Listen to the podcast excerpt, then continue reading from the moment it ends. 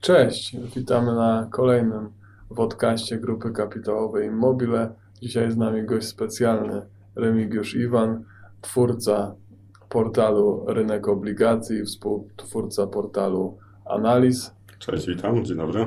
i Piotr Kulesa, analityk u nas Grupy Kapitałowej Immobile. Dzień dobry. Także myślę, że zaczniemy od, e, od, od, od, od w zasadzie przedstawienia gościa. Powiedz, jak, jak u Ciebie to się zaczęło, ta przygoda z obligacjami, e, jak te portale powstawały? E, Historia jest, no myślę, że bardzo prosta. Tak, jestem, e, gdzieś tam gromadziłem podczas swojej pracy zawodowej ten majątek. Miałem przygodę z akcjami w latach 2007-2008, znaczy miałem wcześniej, no ale wtedy ta przygoda zakończyła się bardzo boleśnie i miałem potem jakiś pewien dłuższy rozbrat z, z akcjami. E, Pieniądze trzymałem głównie na lokatach. No i kiedy ten majątek zaczął się powiększać, no trzeba było jakoś pomyśleć, jak te, jak te mm, e, jak te pieniądze mądrze zainwestować i ak- do akcji miałem jeszcze trochę uraz, więc w pierwszej kolejności pomyślałem, że może zacznę tym razem od obligacji korporacyjnych, co gdzieś było e, zgodne jak gdyby z moją karierą zawodową też, bo pracowałem w bankach jako analityk kredytowy, gdzieś na tej analizie finansowej się znałem. No i jak tak zacząłem inwestować w te obligacje, no to pomyślałem sobie, że, że może warto by było to opisywać, e, te swoje decyzje inwestycyjne, skąd się one biorą. E, Wtedy też już weszły takie modne blogi typu Michał Szafrański, który na, na polecaniu lokat czy na reklamach zaczął zarabiać duże pieniądze, więc to była taka dodatkowa motywacja, że założyć bloga i, i rzucić Zarabiać, robotę i, i zarabiać na, na napisaniu. I, I tak ten blog faktycznie powstał. E, Przez pierwsze kilka lat e, pracowałem na etacie, a wieczorami tego bloga prowadziłem, jednocześnie inwestując w te obligacje korporacyjne. A po kilku latach faktycznie udało się go na tyle rozkręcić, że, że odszedłem z etatu i, i ten blog plus właśnie inwestowanie stały się moją taką pełnoprawną A działalnością. powiedz, jakbyś miał, bo to może być dla słuchaczy e, jakaś, jakaś lekcja, no wiadomo, dla Ciebie bolesna, ale widać owocna, e, ale jakbyś miał się cofnąć do tego siódmego, ósmego roku i e, jakbyś zdradził inwestorom, co, znaczy słuchaczom, co, co, co jak się cofniesz, co było powodem tego, że, że tak poszło, jak inaczej. No oczywiście był kryzys i tak dalej, ale Mhm. czy teraz byś się zachował inaczej, czy... Mm, chciwość. Generalnie można Okej. tak powiedzieć, zaczynasz zarabiać. E, Te zarobki są coraz większe. E, Co kupujesz, to rośnie. Jesteś w pewnym momencie przekonany o swojej nieomylności i chcesz więcej, chcesz zarabiać więcej. Jakieś tam sygnały się pojawiają, że to może być, że coś jest nie tak, ale no myślisz sobie, no kurczę, jestem dobry, znam się na tym i, i, i trzymasz, nie? I potem dochodzą te klasyczne takie e, momenty, kiedy zaczyna spadać, ale odbija, a to już koniec te, te, tych spadków i przegapiasz jak gdyby te, te wszystkie momenty. Zresztą mm, to może tak jest trudno te, te momenty widać po, po fakcie, tak? Kiedy trzeba było sprzedać, ale generalnie e, to jak na mnie wpłynęło, to właśnie to, że jestem bardziej ostrożny, nie? Czyli mam swój portfel podzielony, tu mam, tu mam portfel z obligacji, tu mam portfel z akcji, jeszcze robię w ten sposób, że mm, zyski z obligacji transferuję na konta IKX-a i poprzez nie inwestuję w akcje. Czyli mam jak gdyby Okej. taki, mm, można powiedzieć, że inwestuję w akcje zyski, które osiągam, a nie swój jakiś tam ciężko zapracowany majątek, co też mi tak psychologicznie pomaga. tak, pomaga tam na zasadzie, że nie straciłem kapitału, który gdzieś tam ciężko wypracowałem, tylko no, ty ten zarobiony, nie? Tak. To jest trochę w uproszczeniu, ale gdzieś tam No, takie, czyli- takie No, fundamenty. powiedzmy dość konserwatywnie, ale tak jak powiedziałeś o tym, że, że chciwość, czyli że nowe tematy, że wszystko trafiałeś, no to zakładam, że ta wtedy ten, ten stopień szczegółowości analizy był też ograniczony.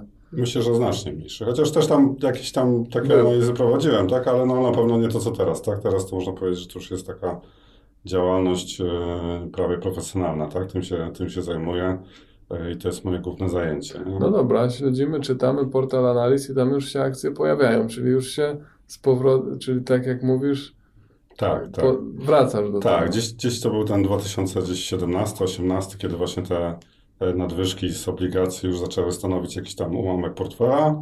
E, Zaczęły się, zacząłem inwestować w akcje, no i znowu przyszła myśl, tak, no to, to w takim razie może też to sprofesjonalizować tym razem, żeby tych błędów nie popełnić i zaproponowałem kilku takim e, blogerom, z, z którymi miałem styczność, e, że może zróbmy coś wspólnie, coś razem e, odnośnie tych akcji i no i tak się zaczęło, tak, że właśnie e, powstał ten portal analiz. Na to się nałożył też taki w miarę wydawało się pozytywny czas, tak? że, że nadchodzą właśnie dobre czasy dla giełdy. Tak, tak mi się wydawało, że to jest ten moment, kiedy, kiedy warto tej giełdzie dać rzeczywiście szansę.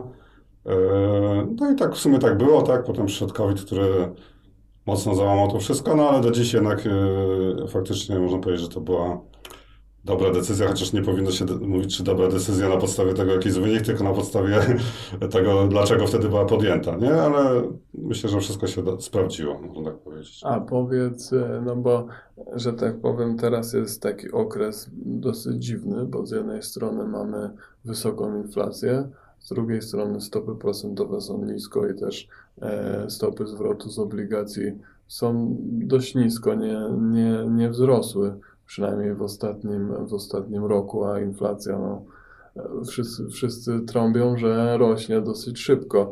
I czy jakby bardzo, bardzo się utrudniło inwestowanie w obligacje w ostatnim okresie, czy...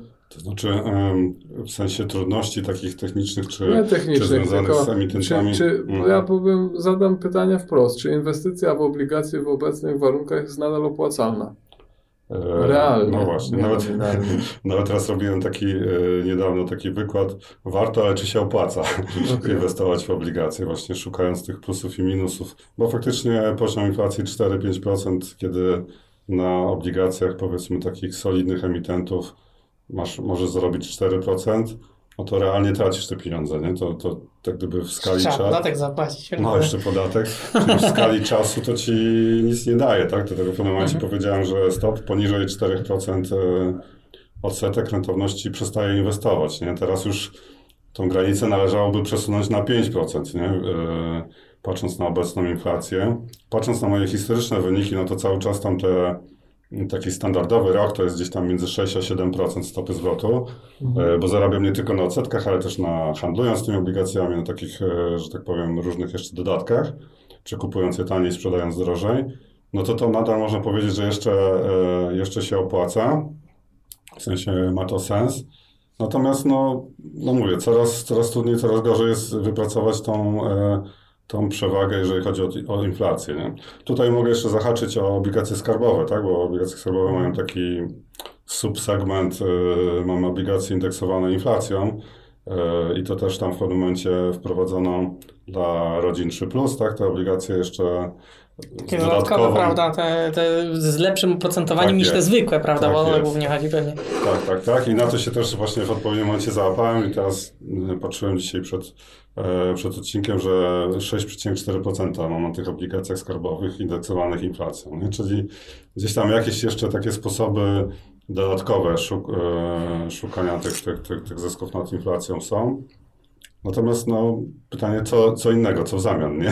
Jest coraz trudniej. Jest coraz trudniej i coraz mniej tych No takich... bo też y, ci emitenci, no skoro mogą pójść po nawet kredyt bankowy, który jest tańszy w niektórych przypadkach, no to, no to ci, co płacą powyżej 5, no to już wtedy musi się alert zapalać, że to trzeba lepiej sprawdzić tego emitenta. Dokładnie. Ja się nawet dziwię, czemu niektórzy im, e, imitują te obligacje, tam płacąc te 4 czy 5, jak myślę, że w banku pewnie e, by ten kredyt tańszy mieli. Nie zostają po prostu takie branże, typu deweloperzy, którzy chyba nie lubią kredytów, bo myślę, że nie lubią hipotek, tak? Pewnie na, tak zakładam. Znaczy, to, tam jest złożony temat, bo, bo myślę, że to jest kwestia zabezpieczeń jednak. Dokładnie. Nie? E, W obligacjach jest dużo łatwiej kreować te zabezpieczenia. To w zasadzie jak, jak, jak, jak ktoś chce objąć nawet czasami niezabezpieczone, No, bardzo często są niezabezpieczone. właśnie to, to, no. to, to z bankiem to tak za bardzo No. się nie,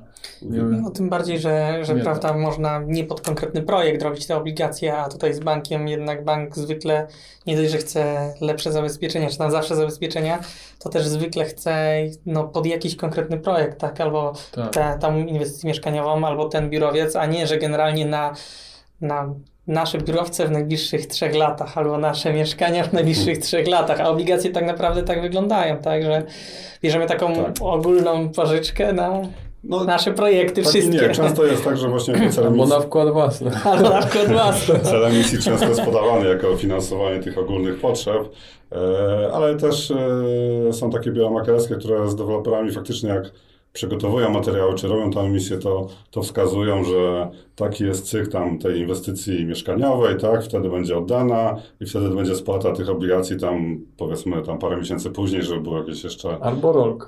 no, albo- no albo rolka, ale tam e, to, już, to już wszystko zależy też Tak. od jakości emitenta, czy tego biura, któremu pomaga. Nie?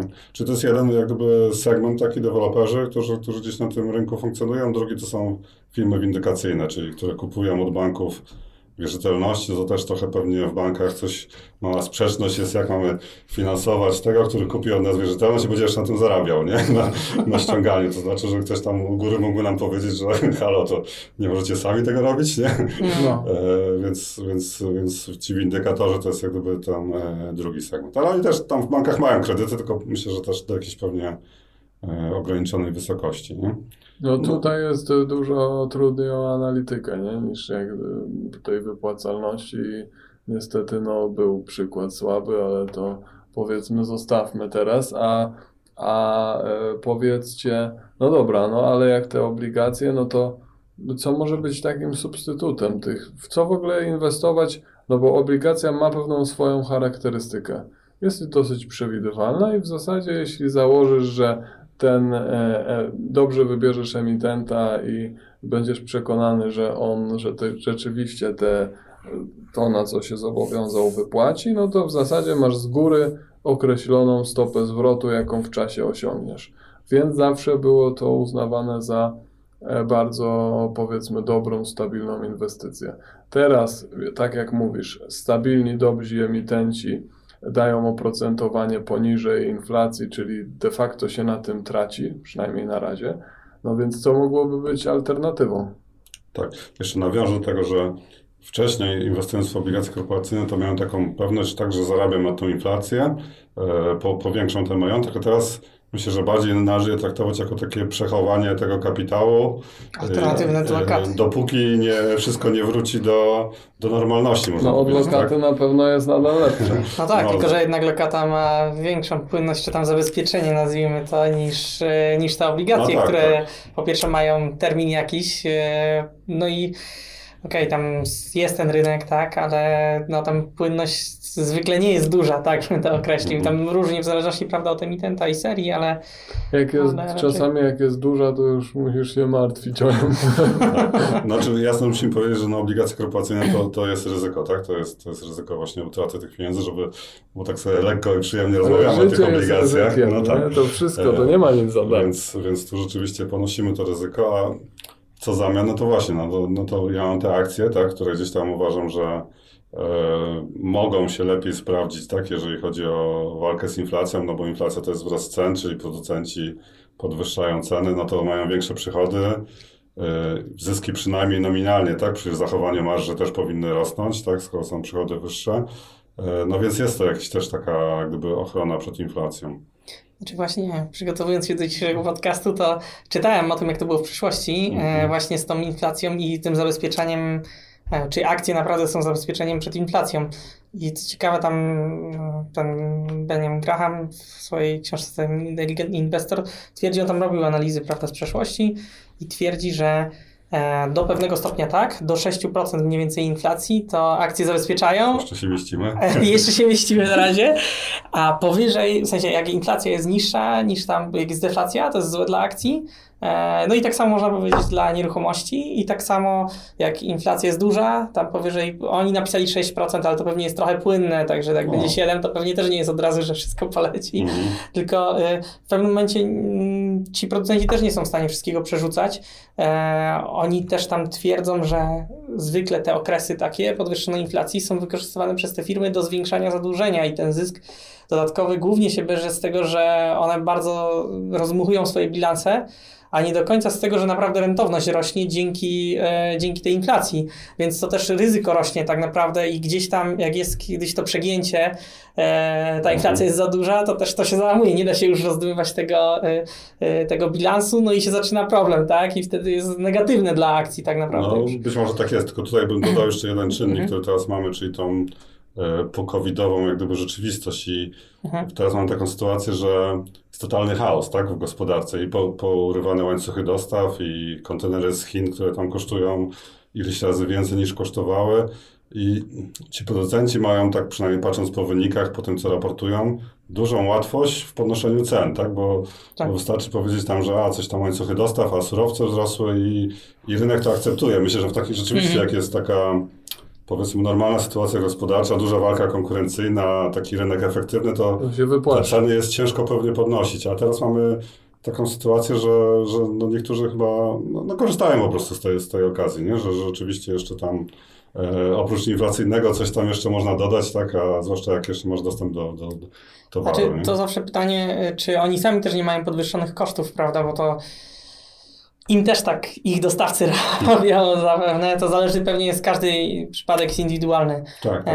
Ale Eee, patrząc ogólnie po wynikach e, film, które, które są publikowane, no to nie wygląda to źle, nie? W sensie producenci całkiem sobie tam przyzwoicie radzą. No bo to też zależy dużo od produktu, nie? Są produkty, których e, cena wzrosła 100% i lepiej, a są takie, no, których te ceny nie wzrosły i to zależy od wielu No, też y, plus y, wydaje mi się, że tutaj to jest pewna bezwładność. Jak ludzie już się zobowiązali, choćby tutaj deweloperzy budują już jakiś budynek, no to co z tego, że teraz koszty wzrosły budowy i albo ludzie już kupili mieszkanie, bo kupowali z wyprzedzeniem tam, nie wiem, dwuletnim u dewelopera, już wtedy wzięli kredyt, no już dzisiaj je kupili. Co z tego, że teraz cena wykończenia jest 30 albo 40% wyższa, albo nawet więcej, Ale- ale i tak no już muszą to wykończyć, przecież pustego nie będą Ale trzymali tego słyszałem też, mieszkania. Tak? deweloperzy potrafili wypowiadać umowę, nie? Na zasadzie nawet płacąc karę, Klientom. tak, klientom No, ale ten klient karę, bo i tak wiedzieli, że to mieszkanie sprzedadzą więcej, Tak, dużo ale drożej to niż... trochę krótka, myślę, że mimo wszystko krótka droga, bo to trochę jest takie do niepoważne No. podejście w stosunku do klienta. No generalnie umów powinno się dotrzymywać, nie? Tak, więc to słyszeliśmy o tym, ale no to raczej, raczej nie, nie sławy temu deweloperowi nie przyniesie. No tak, no ale chodzi mi o to, że nawet teraz, y, czy on wypowiada, przerzuca ten wzrost kosztów na tego klienta, to jest jakby drugorzędna z, z tego punktu widzenia, o którym ja mówię, drugorzędna sprawa. Chodzi o to, że on już tą budowę doprowadzi do końca. Bo Już Mhm. tyle kosztów poniósł, że teraz obojętnie jaki będzie koszt, dokończy.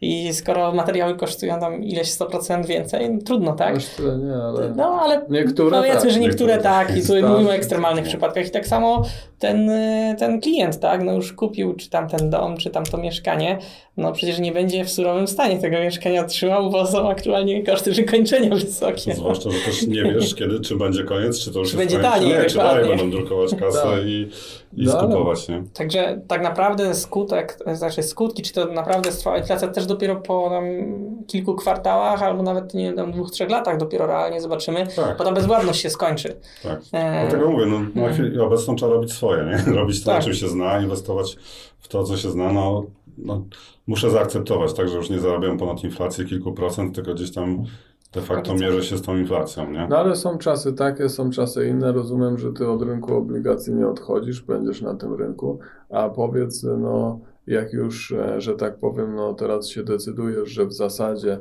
inwestycja jest na poziomie ochrony kapitału, e, bo to oprocentowanie jest, powiedzmy, że, że realnie przy tych lepszych emisjach możesz nie stracić, e, to to, to, to jakie, czego szukasz wśród tych emitentów? Jakie wskaźniki patrzysz, co obserwujesz, żeby wiedzieć, że będę miał na końcu te pieniądze? E, w jaki sposób oceniam emitentów? Tak. E, Ja sobie wykształciłem taki swój, e, znowu narzędzie, tak, które by, które by mi pomogło nie oceniać pod kątem moich takich widzimisię, tylko, tylko bardziej obiektywnie.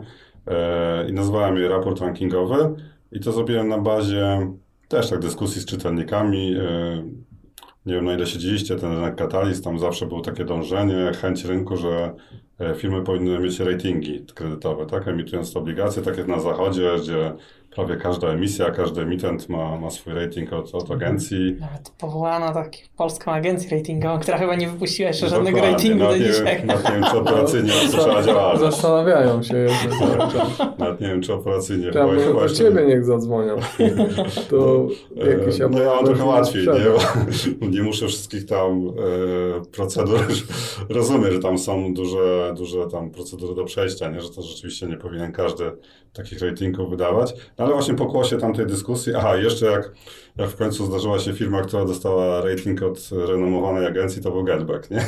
No, Który właśnie jeden z pierwszych. to ta agencja już przestała być gdyby- renomowana. No nadal jest, bo to Nadal. chyba od S&P dostali to na rating. S&P? Tak, tylko że to był rating e, nie inwestycyjny, tylko ten e, niższy, tak, spekulacyjny, ale to nie zmienia faktu, że zostali jakby przeszli, certyfikowani, że na tym poziomie tam można inwestować w ich obligacje, nie? Czyli myślę, że większość spółek by miała podobny rating, nie? Że nie, nie zostali uznani za spółkę śmieciową, tylko, tylko jako OK. No i to już chyba wbiło do trumny, gwóźdź do trumny, nie? Jeżeli chodzi o ratingi w Polsce. Fundusze mają swoje tam działy oceny, a, a z indywidualnymi inwestorami tak no, mało kto się liczy, nie? No ale właśnie tam e, chwilę wcześniej z czytelnikami tam dyskutowaliśmy, ktoś podesłał mi te metodologie tych agencji ratingowych są otwarte, jak gdyby, tak? Oni publikują, jakie mają wagi, jakie kryteria, jakie wskaźniki. No i tak na, na, na swoje potrzeby, na potrzeby tego katalist dokonałem oczywiście uproszczenia yy, i, i taki swój jak gdyby system, wszystkie firmy wrzuciłem do jednego worka, tak? Te agencje ratingowe robią, że dzielą się oczywiście na branże, nie? że każda branża ma swoją specyfikę. Uznałem, że takie uproszczenie wystarczy, tak? I oceniam mm, cztery jak gdyby wskaźniki finansowe, czyli wskaźnik płynność, e, rentowność, zadłużenie i dług netto do EBITDA, nie? Czyli takie cztery jak gdyby podstawowe obszary firmy, e, żeby widzieć jak, ona się w tych obszarach rozwija. Czy to jest taki obszar twardy, jak gdyby matematyki, liczb, które mają w sprawozdaniu. E, Potem patrzę na to, jak długo firma działa na rynku, myśl zasady, że jak już tam ktoś działa tam te 15 lat, no to, to 16 pewnie też jakoś tam e, przeżyje, jak ktoś działa 2 lata, no to wiele firm właśnie umiera na początku, nie? W sensie w pierwszych latach działalności. E, Patrzę na poziom przychodów i kapitału własnych, czyli im większa firma, tym też wydaje mi się, że w naszych realiach to jest jednak większe bezpieczeństwo. E, Potem robię taką krótką, tak zwaną jakościówkę, nie? Czy, czy firma jest liderem na rynku, czy jest wysoko, e, wysoką pozycję ma na tym rynku, e, czy ma jakieś przewagi konkurencyjne, tak? Czy, czy, czy jest w stanie, czy jakiś unikalny produkt. E, Potem oceniam jeszcze mm, taką ogólną sytuację, tak? Zarząd, takie, takie czynniki, jak gdyby, no, czy ta firma jest ok. I na koniec jeszcze daję takie parę procent mojej subiektywnej oceny, jak gdyby, tak? Czy firma jest bardziej nastawiona jednak na, na, na akcjonariuszy, czyli tam wzrost. Ale to dalej mówisz o analizie pod kątem obligacji? Tak, tak, tak, Okej. cały czas pod kątem obligacji. Czy jest nastawiona na, na wzrost e, taki agresywny, czy raczej stabilnie się rozwija, gdzie, gdzie taki obligatariusz może, może być pewien. No i to są takie cztery obszary, które dają mi tam sumaryczną liczbę punktów i, i na tej podstawie mm, klasyfikuję spółkę, czy ona jest taka najwyższą strefę nazywam strefą relaksu, tak, czyli taką, to jest, nie wiem, gotówka albo GPW, giełda papierów wartościowych, która emituje obligacje, bo w ramach misji, a nie w ramach potrzeb, nie, bo ma więcej gotówki niż, e, niż zobowiązań. Potem jest taka strefa, nazywam ją spokoju, gdzie, e, gdzie według mnie tam mogę zainwestować te pieniądze i raz na pół roku sprawdzić sprawozdanie finansowe, czy tam się nic nie zmieniło, tak, czy jest nadal ok. Potem jest taka strefa, którą nazywam czujności, ale tak naprawdę w niej najwięcej inwestuję chyba, bo to są takie spółki, gdzie to oprocentowanie już jest tam bliższe 5-6%, yy, gdzie po prostu są ok firmy, ale gdzieś tam co, pół, co kwartał bym sprawdzał po prostu, jak, jak te wyniki... Coś nie zmieniło. Czy coś tam się nie zmienia negatywnie? No i na koniec taką strefę odważnych zrobiłem, czyli zysk duży, ale ryzyko takie albo duże, albo nie do, nie do przewidzenia, nie? Dla mnie tak, tak, tak, tak to A nie byłbym sobą, jakbym mnie spytał, czy co prawda my jako GKI nie emitowaliśmy obligacji, więc e, no, nie miałeś okazji pod tym kątem sprawdzać naszych emisji, ale wrzuciłeś nas, że tak powiem, na bęben, sprawdziłeś tą analityką, czy E, oczywiście, pozwolę O. sobie sprawdzić. i jak to wyszło? jak, To teraz jak wyglądało, bo też wiem e, ze spotkań, z, z mm, różnych rozmów nawalnych, tak, że, że wy chyba czasami macie zarzuty, tak, że macie wysokie zadłużenie, tak, czy... Znaczy się- tak, pojawiały się takie i, i, tak, pojawiały się takie i chyba nawet jakieś komentarze, ale to powiedzmy nie będziemy promować tam tych, e, na, na to akurat mówię o forum bankiera oczywiście, ale to, to swego czasu się pojawiały takie.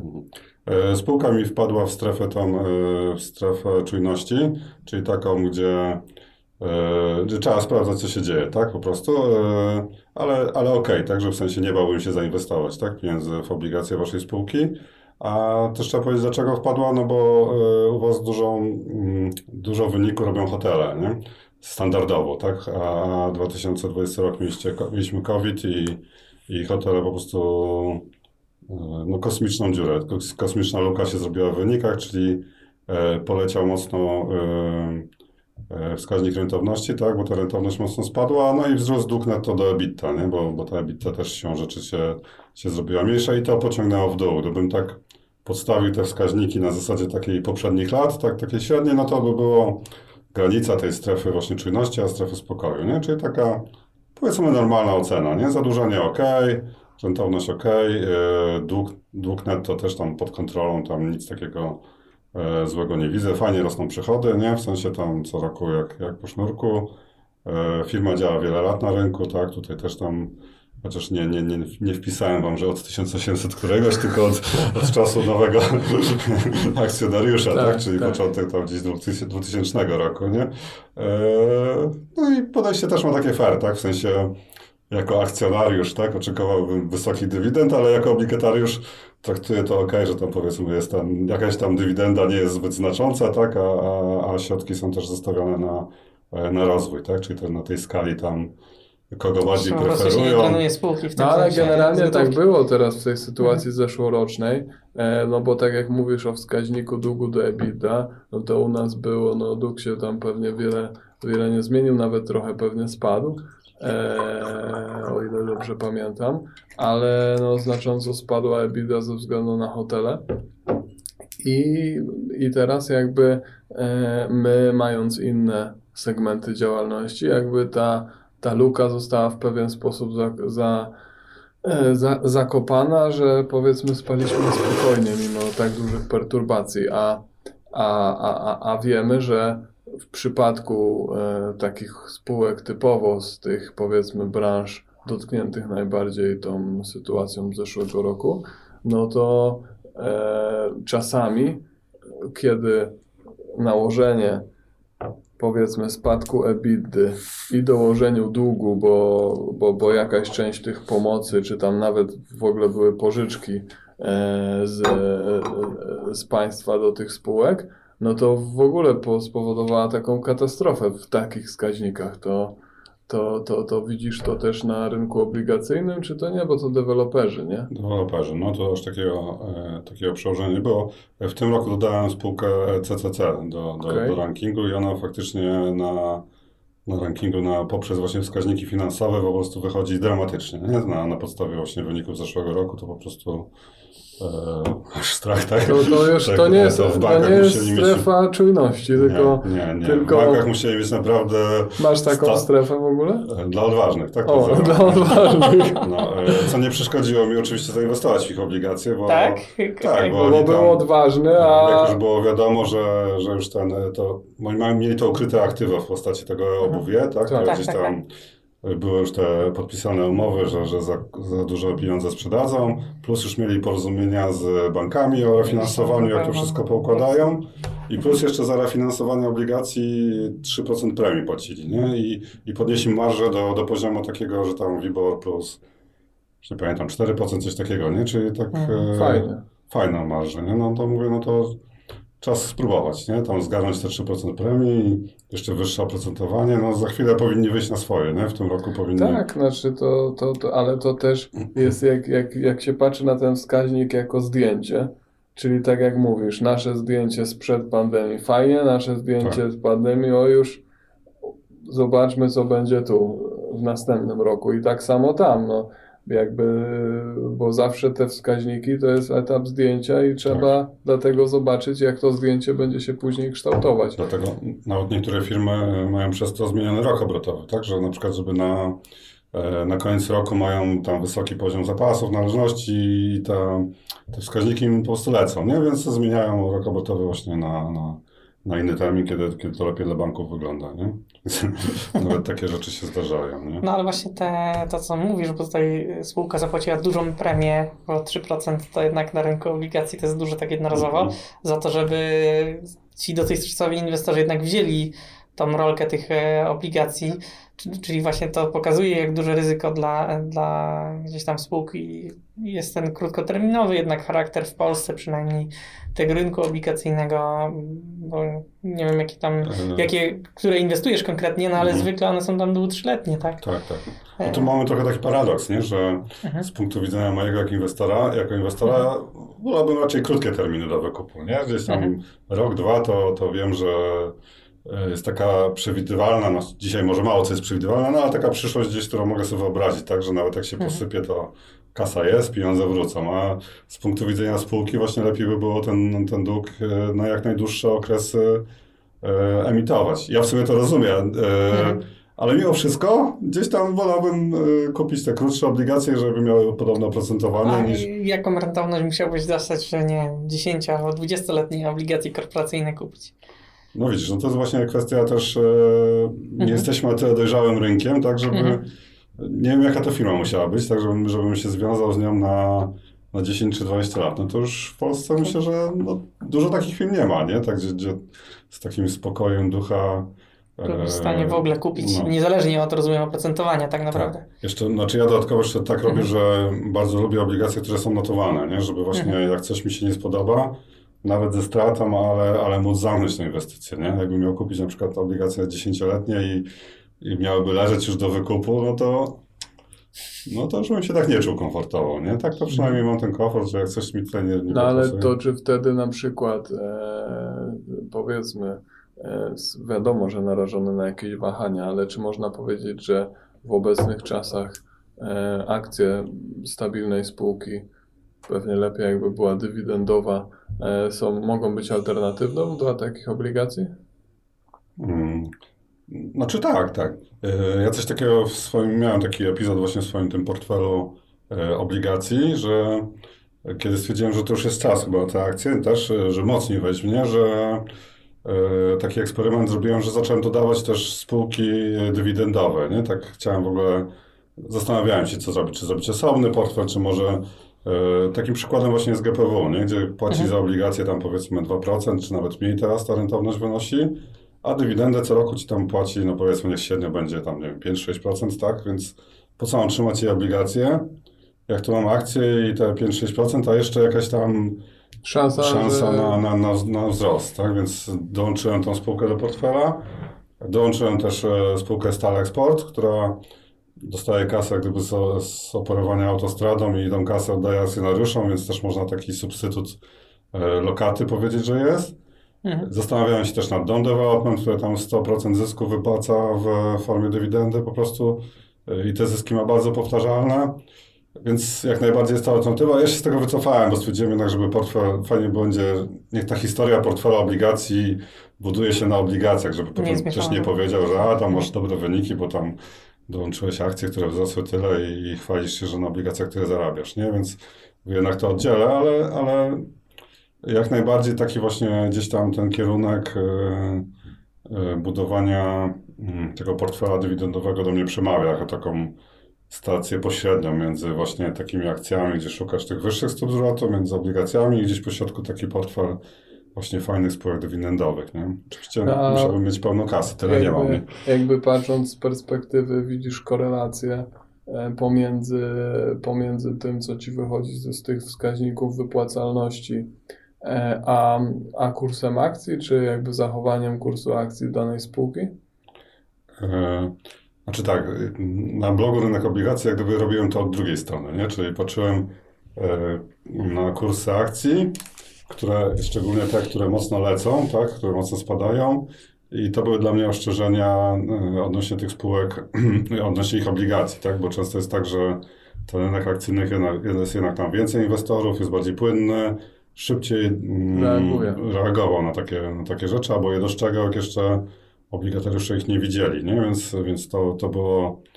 e, I to szczególnie widać w tej dolnej części właśnie, nie? Tam, kiedy... No ale to rozumiem taka specyfika w Polsce przede wszystkim tego rynku. Tak? Nie, ale też warto obserwować pod tym kątem, że zmiany na rynku akcji, czyli na przykład ci inwestorzy e, spekulacyjni, którzy krótszy mają horyzont, to jak się pojawiają negatywne informacje, to szybko reagują na nie i myślę, że wtedy to jest sygnał dla, dla Remigiusza, żeby sprawdzić, co Tak. się tam dzieje, Dokładnie czy to to będzie miało wpływ na te obligacje. dokładnie to nazywałem sygnałem ostrzegawczym, nie? Że, że właśnie spadł kurs tam powiedzmy 10% w ciągu miesiąca, no to trzeba sprawdzić, czy są jakieś nowe, nowe komunikaty, nowe informacje, czy, czy coś się rzeczywiście nie zmienia.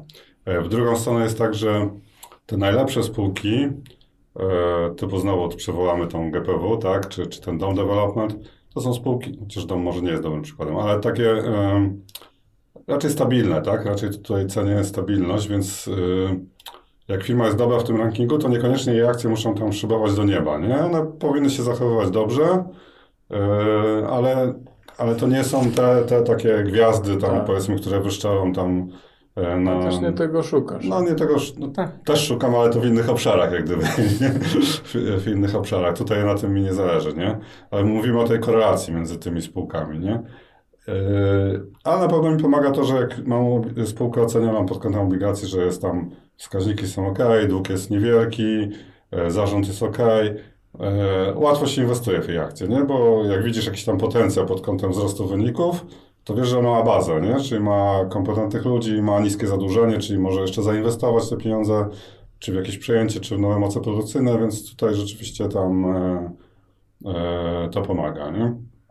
Natomiast takiej ścisłej korelacji e, takiego badania jeszcze nie robiłem, jeszcze nie mam takiej Nie, historii. to, to na pewno też jest ciężko, bo koniec końców to na, na rynku akcji później jest popyt i podaż danego dnia i ta, ta, to, to jest dużo bardziej zmienne niż, niż, niż, niż No, znaczy to właśnie zależy od horyzontu, no bo gdzieś tam to, to jak prawda, że w krótkim terminie to na pewno, że bardzo popyt i podaż, ale w takim dłuższym, i tu mam na myśli, nie wiem, 10-20 lat, no to jeśli spółka dużo zarabiała, e, to nie, nie ma znaczenia, czy tam chwilowo podaż, czy Tak. popyt był większy, bo koniec końców ta cena kiedyś wzrośnie, tak? I też, No, także te akcje też dadzą kiedyś tam zarobić. Tylko tak? tu mówię właśnie o tych 10 latach, bo ja też powtarzam przy obligacjach, że tam, tam inwestuję powiedzmy te 7 lat, tam czy, czy te wyniki są ok, mówię, ale nigdy jeszcze nie przeżyłem jakiejś takiej mocnej bessy, nie? W sensie tam nie licząc tego covidowego do oka, nie? Tak, że... bo właśnie chciałem powiedzieć na początku, jak mówiłeś, że, przepraszam, że przerywam, ale że mówiłeś, że no w tych akcjach się okazało, że no jednak to ryzyko się pojawiło w pewnym momencie. No, czy w obligacjach się nie boisz e, czegoś podobnego, że tutaj no, ta stopa zwrotu, ta maksymalna, powiedzmy, jest zaprogramowana z góry. Tak. Bo po tyle kupiłeś, wiesz ile teoretycznie zarobisz. E, no ale te ryzyko w dół jest teoretycznie przynajmniej zawsze 100%. I na razie oprócz tam kilku, znaczy w sumie miałeś dużo takich przypadków, że, że się ratowałeś przed y, obligacjami, które było widać, że teraz będą niewypłacalne. Miałem jedną niewypłacalność, e, Aha. taką typową i no i tam kilka takich, gdzie tam gdzieś powiedzmy zdążyłem wyjść, nie? Gdzieś zastanawiałem Okej. się, czy często jest tak, że wiesz, obligacje po 70%, zastanawiasz się, czy dokupić, Okazja? czy sprzedać. Okazja, czy, No właśnie. czy trzeba się ratować, no, no, tak? Ale właśnie przy obligacjach jednak chyba lepiej jest właśnie nie szukać tego ryzyka Mhm. aż tak daleko, tylko tego, to ryzyko gdzieś szukać na akcjach, po prostu tutaj tak się udało z Galber gdzieś tam też właśnie wyciąć tam po już nie pamiętam, 70-80%, a, ale siedzieliśmy na forum i się zastanawialiśmy, nie? czy kurna dokupić, czy, czy, czy, czy coś sprzedawać, nie? Więc e, e, a wracając do tego, co mówiłeś, to chodzi o to, czy... Znaczy w pewnym Czy momencie była- oblig... No, znaczy jak to, jak to próbujesz wycenić, tak? Że no w pewnym momencie może się okazać, że tak samo jak tam 2007-2008, że gdzieś tam załamanie na rynku akcji, tak samo nagle może być, nie wiem, fala problemów w wypłacalności w firmach, tak? I nagle, nie wiem, 20% portfela będzie niewypłacalna. No oczywiście, że się boję, nie? Zawsze Mhm. jest, i ty- dodatkowo to mówię, że jeszcze nie zweryfikował mnie rynek, nie? Tak naprawdę, Mhm. mimo tam mogę pokazać fajne wykresy, że jest ok, ale, ale no jak przyjdzie jakaś bessa w deweloperce, coś się stanie, no to rzeczywiście może, może być źle, dlatego tam staram się gdzieś tam raz, że tych emitentów yy, yy, jak gdyby rozszerzać liczbę emitentów, tak, w portfelu, że to nie jest tam jeden, dwóch, czy tam trzech, a, a bardziej kilkunastu, no i też mimo wszystko dywersyfikować branżowo, tak, czyli też tam E, no mimo, że ta mieszkaniówka czy tam e, stanowi duży, to, to nie jest tam, że, że ponad połowa to są deweloperzy mieszkaniowi, nie, tego portfela.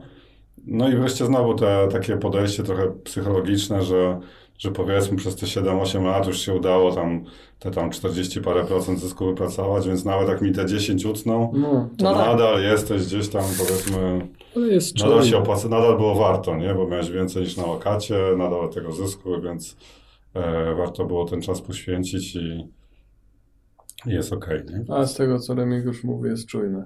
A, a No tak, tak, można tak. by to zamknąć klamrą, że generalnie cierpliwość popłaca, ale, ale trzeba pilnować. No myślę, że to jest dobre podsumowanie. No, także e, już mocno przekroczyliśmy czas, e, ale no, się rozgadaliśmy temat długi. Jakbyście mieli jakieś pytania, to, to piszcie w komentarzach. Tutaj Remigiusz na pewno Wam w tych komentarzach poodpowiada.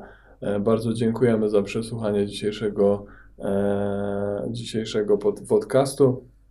No i do usłyszenia za tydzień. Dziękujemy. Dziękujemy. Do usłyszenia. Do usłyszenia.